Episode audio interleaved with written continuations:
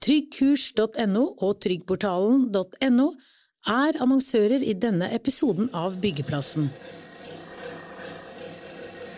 Toppene varsler tøffe tider for byggenæringen. Hvor tøft blir det?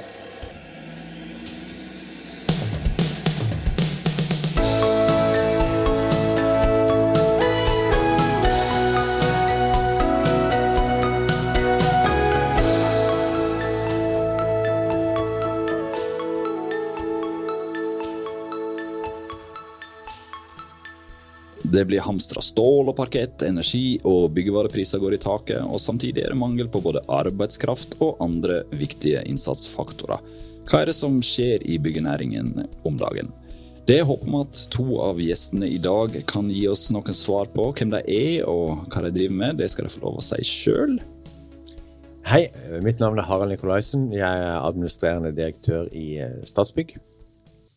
Hei, Eirik Gjelsvik, konsernsjef i Bakke og styreleder i EBA. Og vi som skal snakke med dere som programledere gjennom podkasten, heter Frode Haga, og jeg heter Christian Aarhus. Og vi er fra byggeindustrien og bygg.no. Vi begynner med deg, Statsbyggsjef Harald Nikolaisen. For noen dager siden hadde dere i Statsbygg samla mange av toppene i næringa til et seminar om prisveksten og varemangelen som bransjen står oppe i. Hvorfor gjorde dere det? Vi opplever jo at dette er en sentral problemstilling for veldig mange i næringa, egentlig i hele verdikjeden. Og det viste seg jo at det var et veldig stort interesse for dette seminaret, som vi vel kalte for prisvekst, bråstopp i byggenæringen, spørsmålstegn. Så var det jo noen som mente at vi bare kunne ta bort det spørsmålstegnet og gå rett på konklusjonen. Men, men det er i hvert fall veldig mange som, som lurer på hva som skjer, og hvordan vi skal håndtere den situasjonen som byggenæringa nå står i, som, som, mange kaller for en perfekt storm. Mm. Og, og, hva ligger dere i akkurat det ordet perfekt storm? For nå har vi vært gjennom korona. Først var vi gjennom valuta, så ble det korona, og nå har vi krig på toppen av det. Hva, den, hva legger dere i perfekt storm? Kanskje jeg kan illustrere det med at vi før vi skulle levere input til, til politikerne før jul, så samarbeider vi tett med Prognosesenteret for å finne ut av hva, hva kommer til å skje med prisvekst nå. Og Da konkluderte vi sammen med de om at det var ikke så veldig sannsynlig med noe særlig prisvekst første kvartal 2022. Og Det viste seg jo å være blant de dårligste spådommene noen har gjort, tror jeg. Men en kunne jo heller ikke forutse hva som skulle skje, men jeg tror det illustrerer det på en veldig god måte. At vi hadde krevende tider med pandemien, med leveranseproblemer, prisstigning, mangel på kvalifisert folk, og så gikk vi rett over i en krigssituasjon med energipriser som går rett i taket, strømprisen går opp, du får ikke tak i varer, det er mangel på arbeidskraft, og prisstigninger på helt sentrale komponenter i mange av prosjektene våre er på 30-40% mm. Vi må høre mer om dette etterpå. Og Eirik Gjelsvik, du var en av de som var innledere på dette her seminaret. Du, ja, hvordan er det å være leder i en av landets største entreprenører om dagen? Ja, Det var jo krevende når korona traff oss, og så kom dette. Så med, med krig og ekstrem prisvekst på råvarer, spesielt metall, trevarer etc. Så det er krevende å komme seg gjennom det. I helt tatt det å få tak i råvarer og til de prisene gjør det krevende for de som står ute der og skal handle. Så akkurat nå er det vanskelig, og så tror jeg at vi kommer til å få noen tøffe år fremover. Og du sa under dette her nå omtalte seminaret at det er i full gass nedoverbakke framover, og akkurat som det var på slutten av 80-tallet. Ja, altså jeg gjorde en vurdering av hva som har skjedd historisk. Og for de som husker tilbake til slutten av 80-tallet, hvor du fikk bankkrisen og motkonjunkturpolitikk fra, fra staten i tillegg, de stramte inn på budsjettet. Bankkrisen kom. Det endte jo opp med at byggebransjen gikk på en kjempesmell. Måtte redusere med opptil 40 Jeg lå med brekt rygg i mange år, og det har tatt tid å bygge det opp igjen. Jeg skal ikke si at vi havner der, men jeg ser litt noen av de samme signalene nå som vi så på, på den tiden. Men hva kan vi gjøre annerledes enn under bankkrisa og kanskje under finanskrisa? Eh, ikke gå i den fellen som man er i ferd med å gjøre nå, tror jeg. Stramme inn kraftig på budsjettet i offentlig sektor. Eh, som gjør at byggaktivitetsnivået vil bli tatt ned. Eh, det er helt naturlig å ta det ned, for har, det har vært litt for mye full fart. Eh, Så at man tar det noe ned, det er helt forståelig. Eh, Og at staten styrer som de gjør, det er helt forståelig. Men så spørsmålet hvor mye man tar det ned. Eh, Så hvis det strammes noe kraftig inn på, på offentlige budsjetter, så er det alltid byggenæringen som rammes, for det er der de største, mye av de største postene er. I tillegg, hvis du kombinerer det med økt rente, høye kostnader på å bygge nå, så er jeg helt sikker på at privat etterspørsel kommer til å gå ned, både av næringsbygg og boligbygg. Og da får du det jeg sa, eh, gass i nedoverbakke. At du strammer til for mye. Og du eh, mener at byggenæringen er en næring som ikke blir tatt på alvor av eh, myndighetene? Ja, det har jeg ment lenge, og jeg mener jeg har hold i det. Jeg har sagt før, se på Hurdalsplattformen hvor mye det står om byggenæringen der. To setninger. Vi må bygge billigere og mer klimavennlig. Når vi er i samtale med, med regjeringen, så får vi stort sett bare et skulderheving og ref innleiediskusjonen, som kom veldig brutalt på. Eh, Så jeg mener at de ser ikke på oss som en næring, de ser på oss som et virkemiddel i forhold til å styre konjunkturene. Eh, og det syns jeg er synd, fordi vi er Norges nest største næring. Um, 350 000 som jobber i den næringen, og da, da er det ikke bare en salderingspost på, på statsbudsjettet. Du sitter ikke akkurat i regjering, Harald Nikolaisen, men du sitter i hvert fall tettere på regjeringen enn eh, oss andre her, da. Hva tenker du om det som Eirik Gjelsvik sier her? Jeg, jeg tenker jo at um, byggenæringa og på en måte altså, Vi kan holde oss til fag og ikke snakke politikk, men altså at byggenæringa nok eh, mangler en stemme i, eh, i, på en måte i byråkratiet. En tydelig stemme fordi at det, det er mange som liksom har ansvar for det som skjer i vår sektor, eh, samtidig som ingen har et helt ansvar, som en del andre sektorer har, samferdsel og så. Men ikke jeg å si at vi nødvendigvis skal ha et byggedepartement, altså. det er ikke det jeg mener, men jeg, kjenner meg godt igjen det en sier om at, eh, om at uh, ansvar for, for, Også fordi at byggenæringa liksom, er spredd over hele landet, spredd på veldig mange aktører, så er det mange som har en delansvar for byggen, byggenæringas ve og vel. Mm. Og det, tror jeg nok er krevende. Og jeg opplever òg det at uh, det er på en måte en næring som tidvis blir litt glemt. da. Mm. Uh, det, det, ser vi tydelig. Og, ja. nå, og nå er jo litt situasjonen den altså, at det offentlige Norge har jo behov for en, både å spare penger for å ta ned temperaturen i økonomien, og også omprioritere ganske kraftig i forhold til kriser og forsvar og alt det andre som skjer. Og at det er klart at det nå rammer byggenæringa i offentlig sektor, det er det jo ingen tvil om. Det at det offentlige får dårligere råd, samtidig som vi ser en ukontrollert prisvekst som vi ikke helt er sikre på hvor lenge kommer til å vare.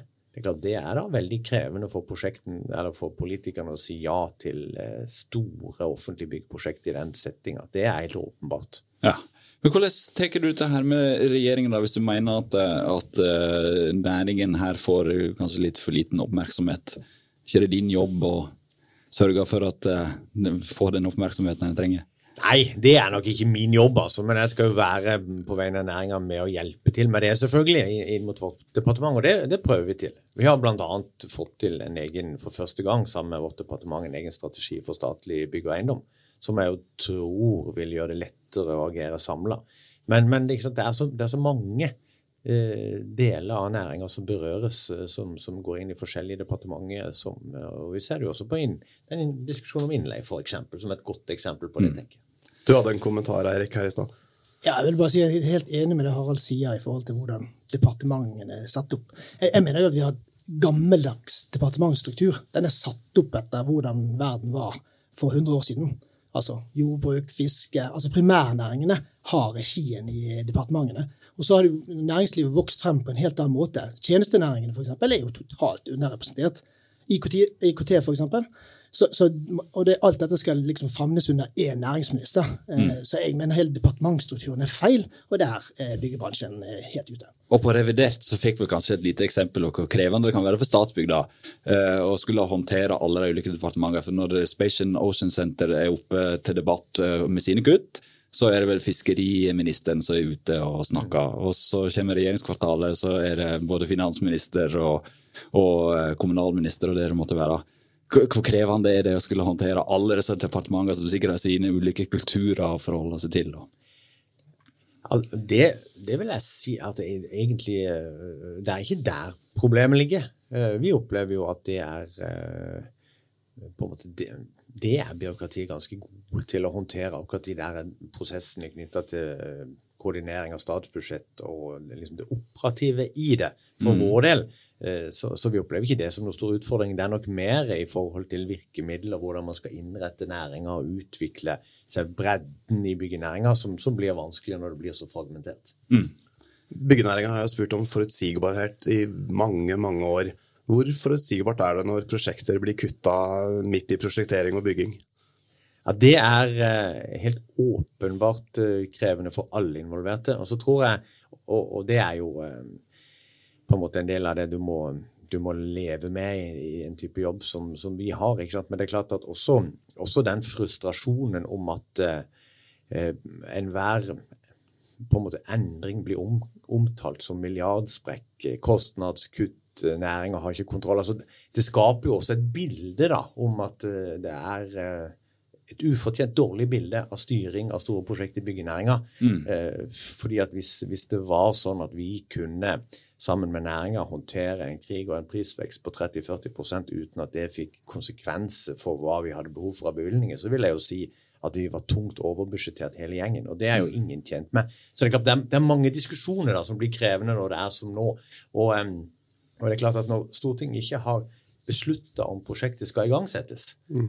Så er det jo mulig å gjøre nesten hva som helst uh, i forhold til kutt. Men da vil jo jeg mene at det er ikke en milliardskandale, da er det, det er det snakk om en planleggingsprosess. Mm. Men når prosjektet er vel i gang, så er det klart at og du har kontrahert, og alt henger sammen med alt, så er det klart da er det vanskelig å gjøre signifikante kutt ikke sant, som ikke blir i hvert fall eh, samfunnsøkonomisk ulønnsomme.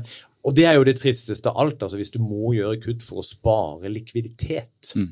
På statsbudsjettet, men som er samfunnsøkonomisk ulønnsomme og ulønnsomme for brukerne på bygg som skal stå i 50 år for viktige samfunnsfunksjoner, det, det er klart at det må vi forsøke å unngå så langt det er mulig. Vi tar en kort pause fra byggeplassen for å høre fra våre annonsører.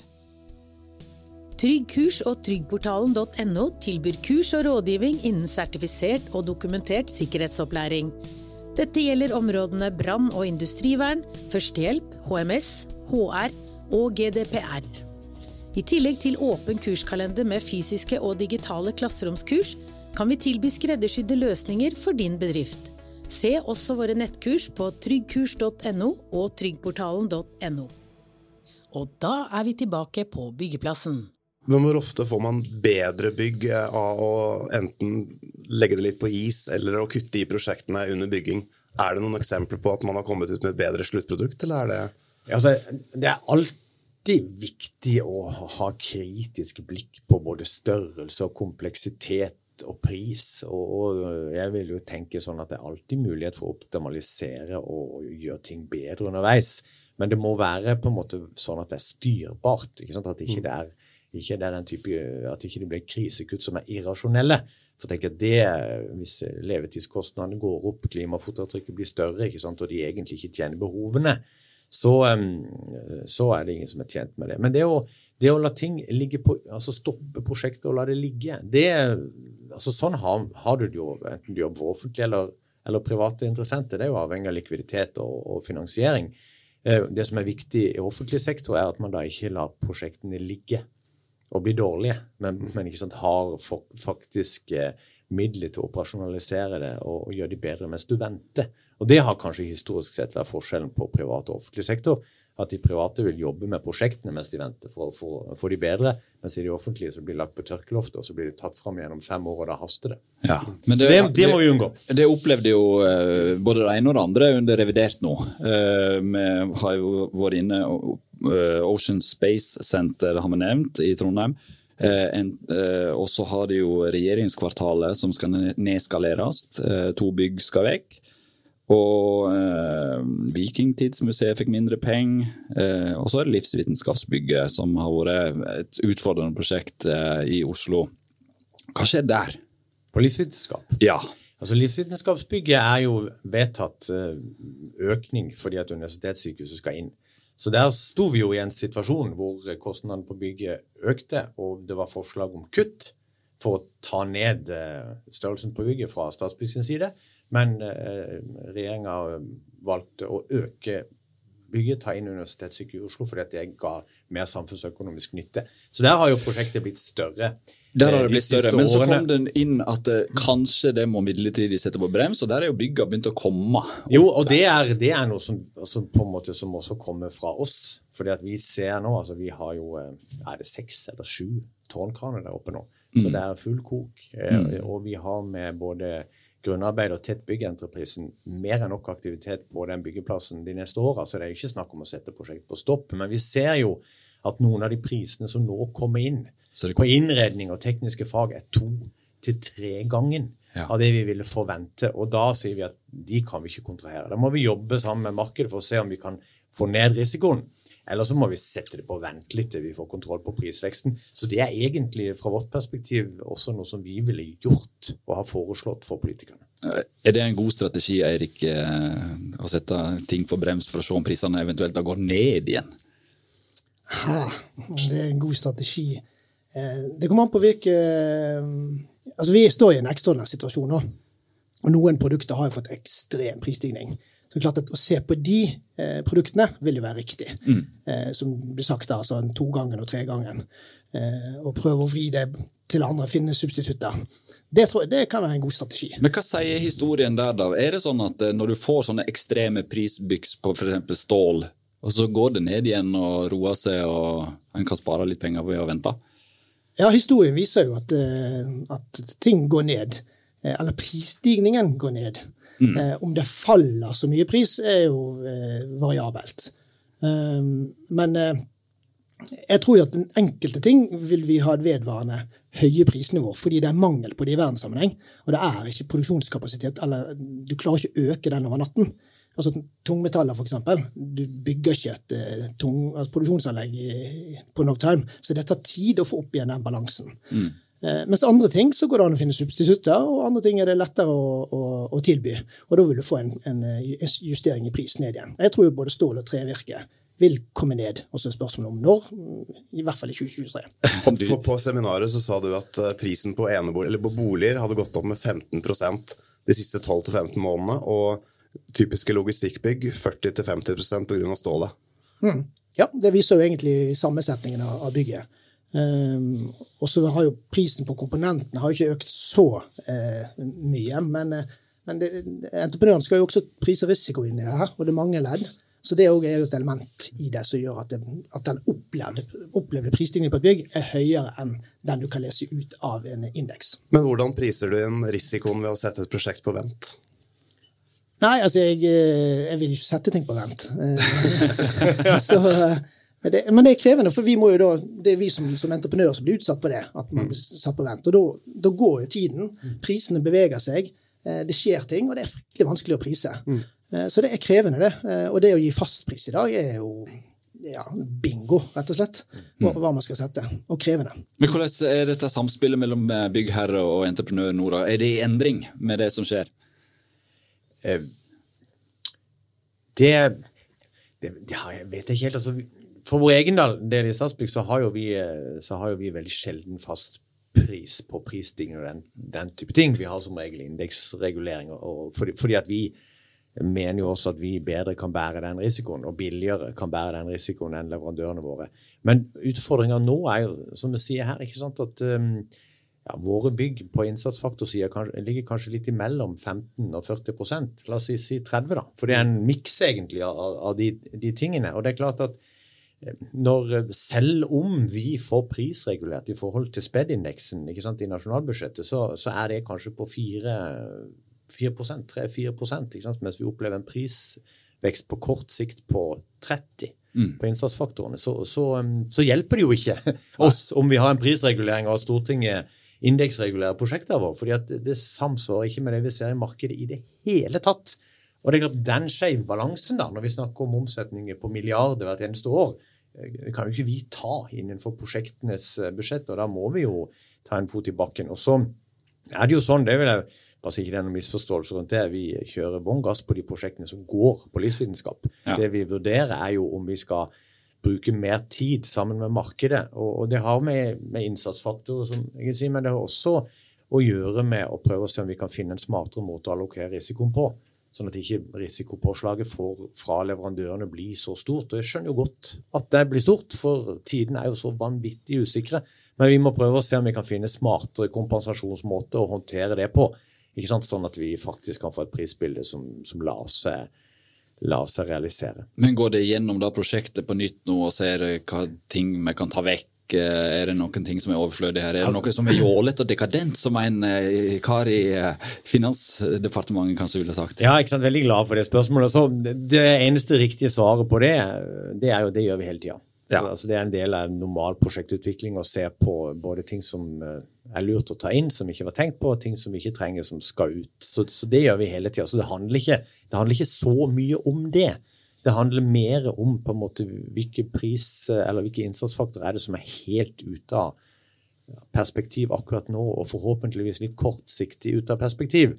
Sånn at det er dumt å kaste penger ut av vinduet, og hvor er det vi kan få en smartere risikofordeling mellom oss og leverandørene, ikke sant? så ikke vi blåser opp prisen unødvendig pga. at alle er usikre på framtidsbildet. Men jeg må nesten høre mer om det. Om du, leste den uh, artikkelen på nrk.no, vil jeg tro, eller hørte den på radioen, eller uh, finansminister Vedum som, som sa han ville kalle noen prosjekt dekadente og jålete.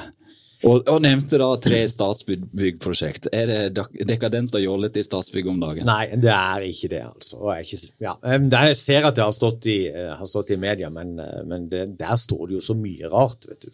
Det får vi ta med det får vi ta med en klype salt.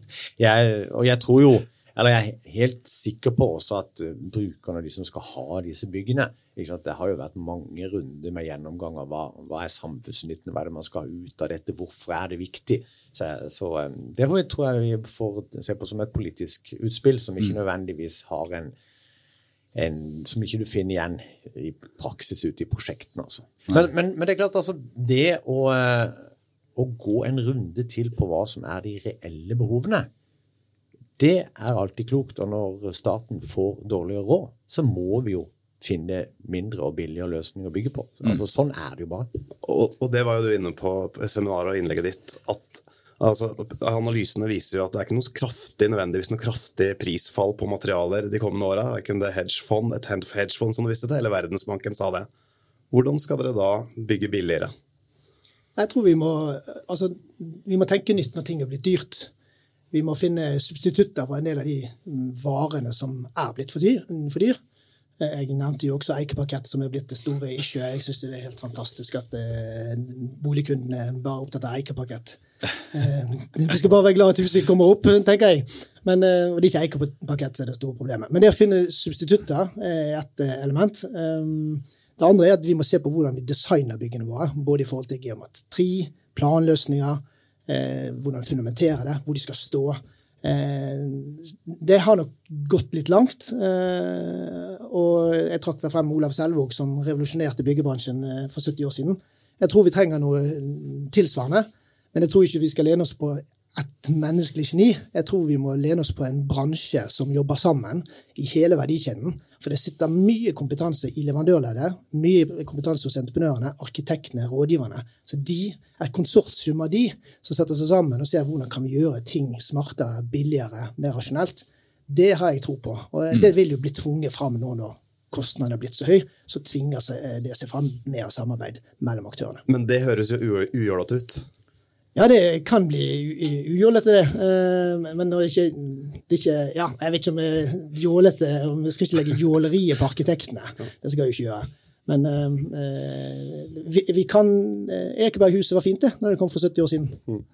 Harald, du var ivrig her. Ja, og jeg tenker vi har jo vært på, på, veldig mange av prosjektene våre så har jo vi en eller annen form for samhandlingsmodell med leverandørene. Om, om enten om det er totalentreprise med løsningsforslag eller samhandlingsmodell i flere faser. Det klart, det ser vi jo litt nytten av nå, når vi må ha nye runder før vi går i gang. At vi faktisk har entreprenøren med oss som skal bygge dette. Og vi kan liksom sette oss ned og virkelig gå igjennom hva er det nå strengt tatt vi trenger. Er det smartere måte å gjøre det på? Hvor kan vi få ned kostnadene? Hvor kan vi tenke nytt? Og det er jo, det er jo prosesser som altså Du må aldri kaste bort en god krise.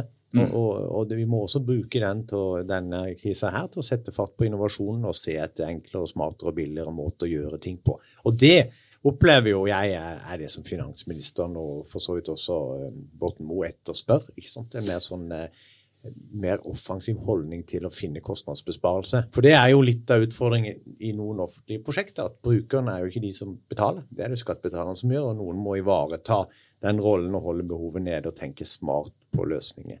Mm. Og så håper jeg jo at vi ikke i den situasjonen vi er i nå, kommer, kommer der at um, det som blir lidende nå, er på en måte bærekraft og de langsiktige perspektivene. Og, og der er det jo litt som uh, for å spille videre på, uh, på, det, at det er klart at um, vi vet jo at veldig mange av byggene våre står tomme. Det er 40-50 dekningsgrad på kontorer og på laboratorier rundt forbi. Så det å ta en ny runde på hvor mye er det man egentlig trenger, og hva er det man har bruk for, det tror jeg er sunt for alle. Og Det er vel der det har gjort et regnestykke i regjeringskvartalet. Da, at det har funnet ut at kanskje, eller i hvert fall regjeringen har gjort, uh, at det ikke en trenger de to byggene der i framtiden, tror de. Tror ja. du? Altså, uh, det som, det som, i hvert fall er, uh, ligger til grunn, er jo at areal, altså de to byggene kommer jo fordi at man har forsøkt å fremskrive hvor mange statsansatte skal det være i byråkratiet. Det var et høyere tall opprinnelig, så tok jo forrige regjering det tallet ned ganske vesentlig. Så det var mindre areal. Og nå sier nåværende regjering at vi skal ha nullvekst. Og hvis det blir en nullvekst i de ansatte i byråkratiet, så trenger vi ikke de to byggene. Det er en del av, og det er jo derfor også regjeringskvartalet er delt i tre byggetrinn, eh, hvor det er forskjellige elementer i hvert byggetrinn. Det er for å kunne ha de realopsjonene. Vi skal bygge sant, for 50-100 års perspektiv her. Mm. Så, eh, så, hvis det ikke blir vekst i byråkratiet i regjeringsapparatet, så trenger vi jo ikke de to byggene. Og det på en måte er jo regjeringskvartalprosjektet lagt opp til å kunne håndtere. Og de kan jo settes i gang på et senere tidspunkt. Ja. Hvis det skulle vise seg å være feil. Det får vi jo se. Det får vi se. Og så lurer jeg på uh, Victoria terrasse er, er, jo i dag en del av på en måte, ikke regjeringskvartalet, men en del av regjeringen sine bygg uansett. Og det skal de selge. Er ikke det godt nok? Er, det, er, det, er ikke det godt nok? Nei. Må de ha noe mer jålete og dekadent? Altså, jeg holdt på å si, Hvis du skal snakke om jålete og dekadente kontoret så tror jeg på en måte, så tror jeg, som er dyre i drift, og som har et uakseptabelt sikkerhetsnivå, og som ikke passer til den jobben UD skal gjøre, så tror jeg du skal ta en tur på Victoria terrasse. Da er vi der. Da er du der. Hvis du vil ha på en måte UD inn i effektive, smarte, framtidsretta kontorlokaler, så er det mye bedre og mye sikrere og antageligvis også en god del billigere å få de inn i et regjeringskvartal mm. som er bygd for det, og som ikke er et gammelt leilighetsbygg fra 1893. Men det vil, eh, det vil selge Victoria terrasse? Vi har foreslått for regjeringa å selge Victoria terrasse. Det er en del av premissene for samlokalisering i regjeringskvartalet. Og så venter vi på en avklaring fra vårt departement i forhold til salgsstrategien. Og kanskje en fin måte å hente inn eh, en god slant penger på. Absolutt. Hvor mye er en going price på et Victoria terrasse? Ja, et sted mellom 1 og 3 milliarder, ja. tenker vi. Passer ikke, passer ikke min lommebok. Men milliardene kommer jo til å renne inn med høye energipriser, vi var inne på det, olje og gass. Tidligere kriser så har byggenæringa sittet igjen med svarteper, hvor man ikke har utdanna folk og ikke har ansatt lærlinger. Nå kommer konkurransen til å bli kjempestor, mest sannsynlig for olje og gass, som kommer til å få en kjempelang boom. Hvordan skal byggenæringa håndtere det? Jeg tror du er inne på noe vesentlig, og det er òg min bekymring, det du trekker opp der. At uh, nå får vi enda mer konkurranse. Vi har jo tatt i gåsehudet en del mhm. fra, uh, fra oljen de senere årene, og, og, egentlig vunnet litt av kampen på NTNU for, for, eller på studentene. Ehm, det kommer til å bli tøffere fremover, eh, når oljen og gass kanskje får sin renessanse. Eh, så vi må være, fortsette det arbeidet vi alltid har gjort eh, med å være attraktiv mot ingeniører, og vi må jobbe for å få inn fagarbeidere. Gjøre en god jobb på, på lærlingsiden. Eh, og så får jo konjunkturene gå der de går, og så må, eh, må, vi gjøre oss attraktive blant de unge. Og vi har fantastisk mye flinke unge som er kommet inn i bransjen de siste årene, og de er det vikt, ekstremt viktig å holde på nå. Eh, og det er jo det jeg frykter, at vi skal få en nedtur, sånn at disse blir borte. Men vi må jobbe videre med den rekrutteringen, og så må vi holde på de vi har. Du sa vi sto på et vippepunkt. Hvem vei vipper, da? Ja, jeg sa vel kanskje at for byggebransjen så er jeg redd for at det vipper nedover. Men for Norge som nasjon så sitter vi på den grønne gren. Vi er en energinasjon. Vi er en råvarnasjon. Eh, så Norge kommer til å tjene gode penger i, disse krisetidene. Eh, men for byggenæringen så, jeg, så tror vi på en nedgang. Og det, det er alltid tøft. Eh, så mm, for byggenæringen så tror jeg vi går tøffere tider i møte. Så kommer vi til å leve godt på de ordrene vi har i 12-15 måneder. Og så spørsmålet hva skjer i 23-24. Og det må du òg kunne gi et svar på, Harald. Hva skjer i framtiden for byggenæringen?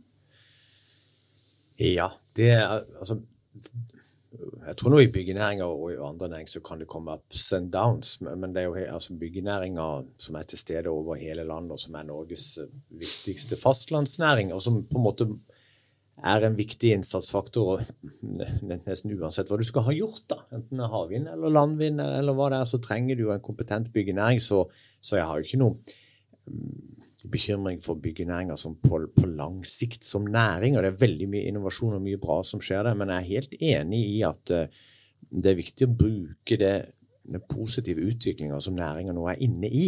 Hvor man jobber godt sammen om uh, samhandling, gode forretningsmodeller, rekruttere folk, satse på fagkompetanse, egne ansatte, kvalitet i, og bærekraft, ikke minst. For byggenæringa nå virkelig har kommet på banen.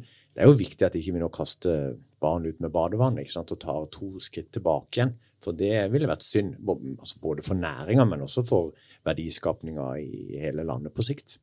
Du skal ikke kaste bort en god krise. Du svarte ikke på spørsmålet ditt. Altså. Nei, men uh, Ja, du svarer som en politiker, da. Men du skal ikke kaste bort en god krise, i hvert fall, sa du i stad. Mm. Og hvis du skal avslutte der, da. Uh, hva skal en bruke denne krisa her nå på for å, å hente ut noen gevinster? da?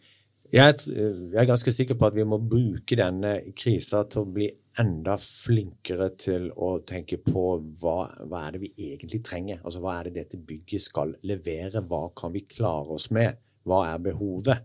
Eh, det er en klar bestilling fra, fra politikerne til både de som skal bygge bygget, som, som Statsbygg, og de som skal ha bygget, som de forskjellige sektorene og brukerne der ute. Mer kritisk gjennomgang, smartere løsninger, enklere løsninger Sånn at vi sikrer oss at vi Og det vil, det vil, være bra økonomisk, men det vil også være bra bærekraftmessig, for vi kan bygge mindre enn det vi gjør i dag. Så skal jeg gi deg en sjanse til å svare på spørsmålet, da. Så jeg stilte i stad. Ja, jeg, jeg, jeg, tror at denne Jeg er redd for at denne krisa blir litt lenger enn det mange tror. Eh, jeg er redd for det. Jeg deler litt den oppfatninga, og litt derfor vi tok initiativ til det seminaret. At jeg tror det er litt litt farlig å tenke at dette er en kortsiktig priseksplosjon som snart kommer ned igjen til normal nivå, for da er jeg redd at ikke vi planlegger for langt nok sikt. Tror vi har kommet til veis ende. Vi har ikke fått svar på alle spørsmålene vi har, men de kan ikke vi stille heller, for da ville vi brukt denne arbeidsdagen og vel så det på det. Eh, tusen takk for at dere hadde anledning til å komme, Eirik Gjelsvik og Harald Nikolaisen. Kristian Aarhus og Frode Aga har vært programledere, og så kommer vi brått igjen med nye episoder av Byggeplassen. Tryggkurs.no og tryggportalen.no var annonsører i denne episoden av Byggeplassen.